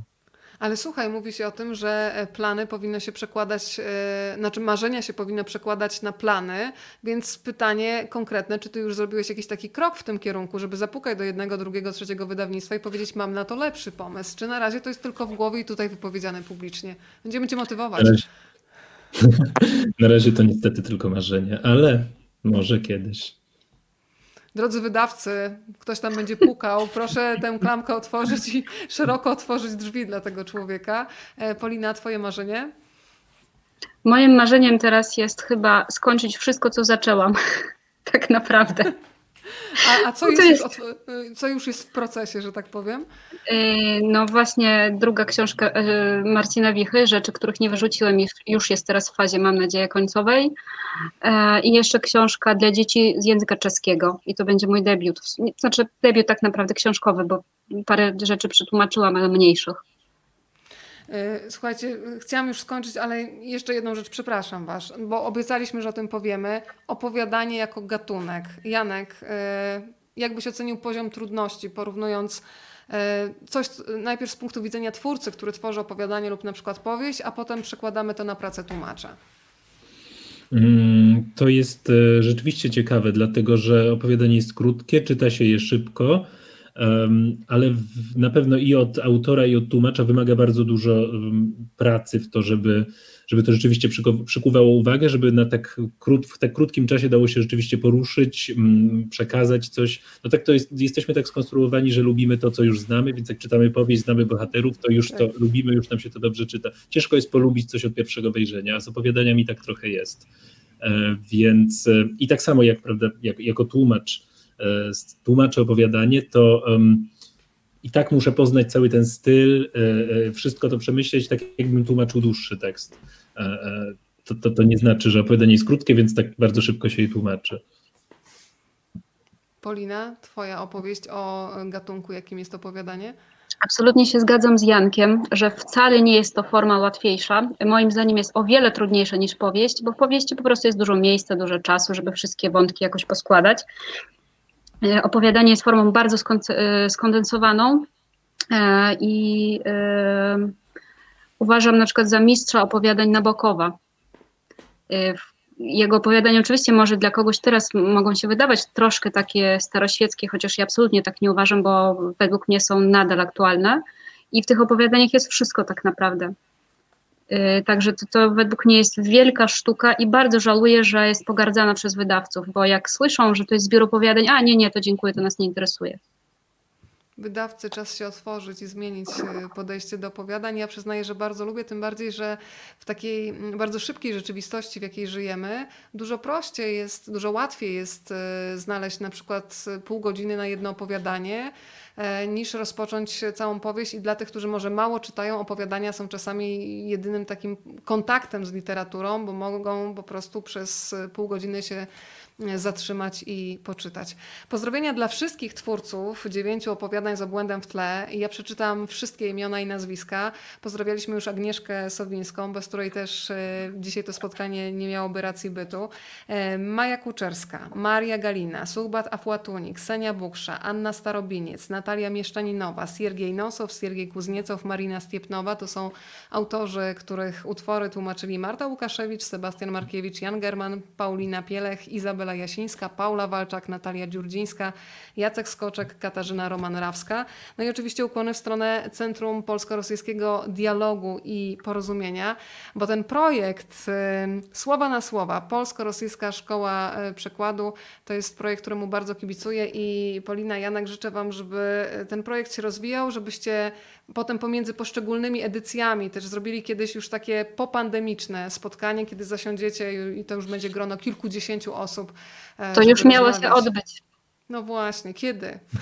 Mam nadzieję, że już słuchajcie, pod koniec 2021 roku e, będzie już można mówić o, o, o spokoju i o nowym otwarciu. Bardzo Wam dziękuję za dzisiejsze spotkanie, a Państwu z całego serca polecam dziewięć opowiadań z obłędem w tle. Naszymi przewodnikami po współczesnej literaturze rosyjskiej byli Polina Justowa i Jan German. Bardzo Wam dziękuję. Dziękuję. Dziękuję bardzo.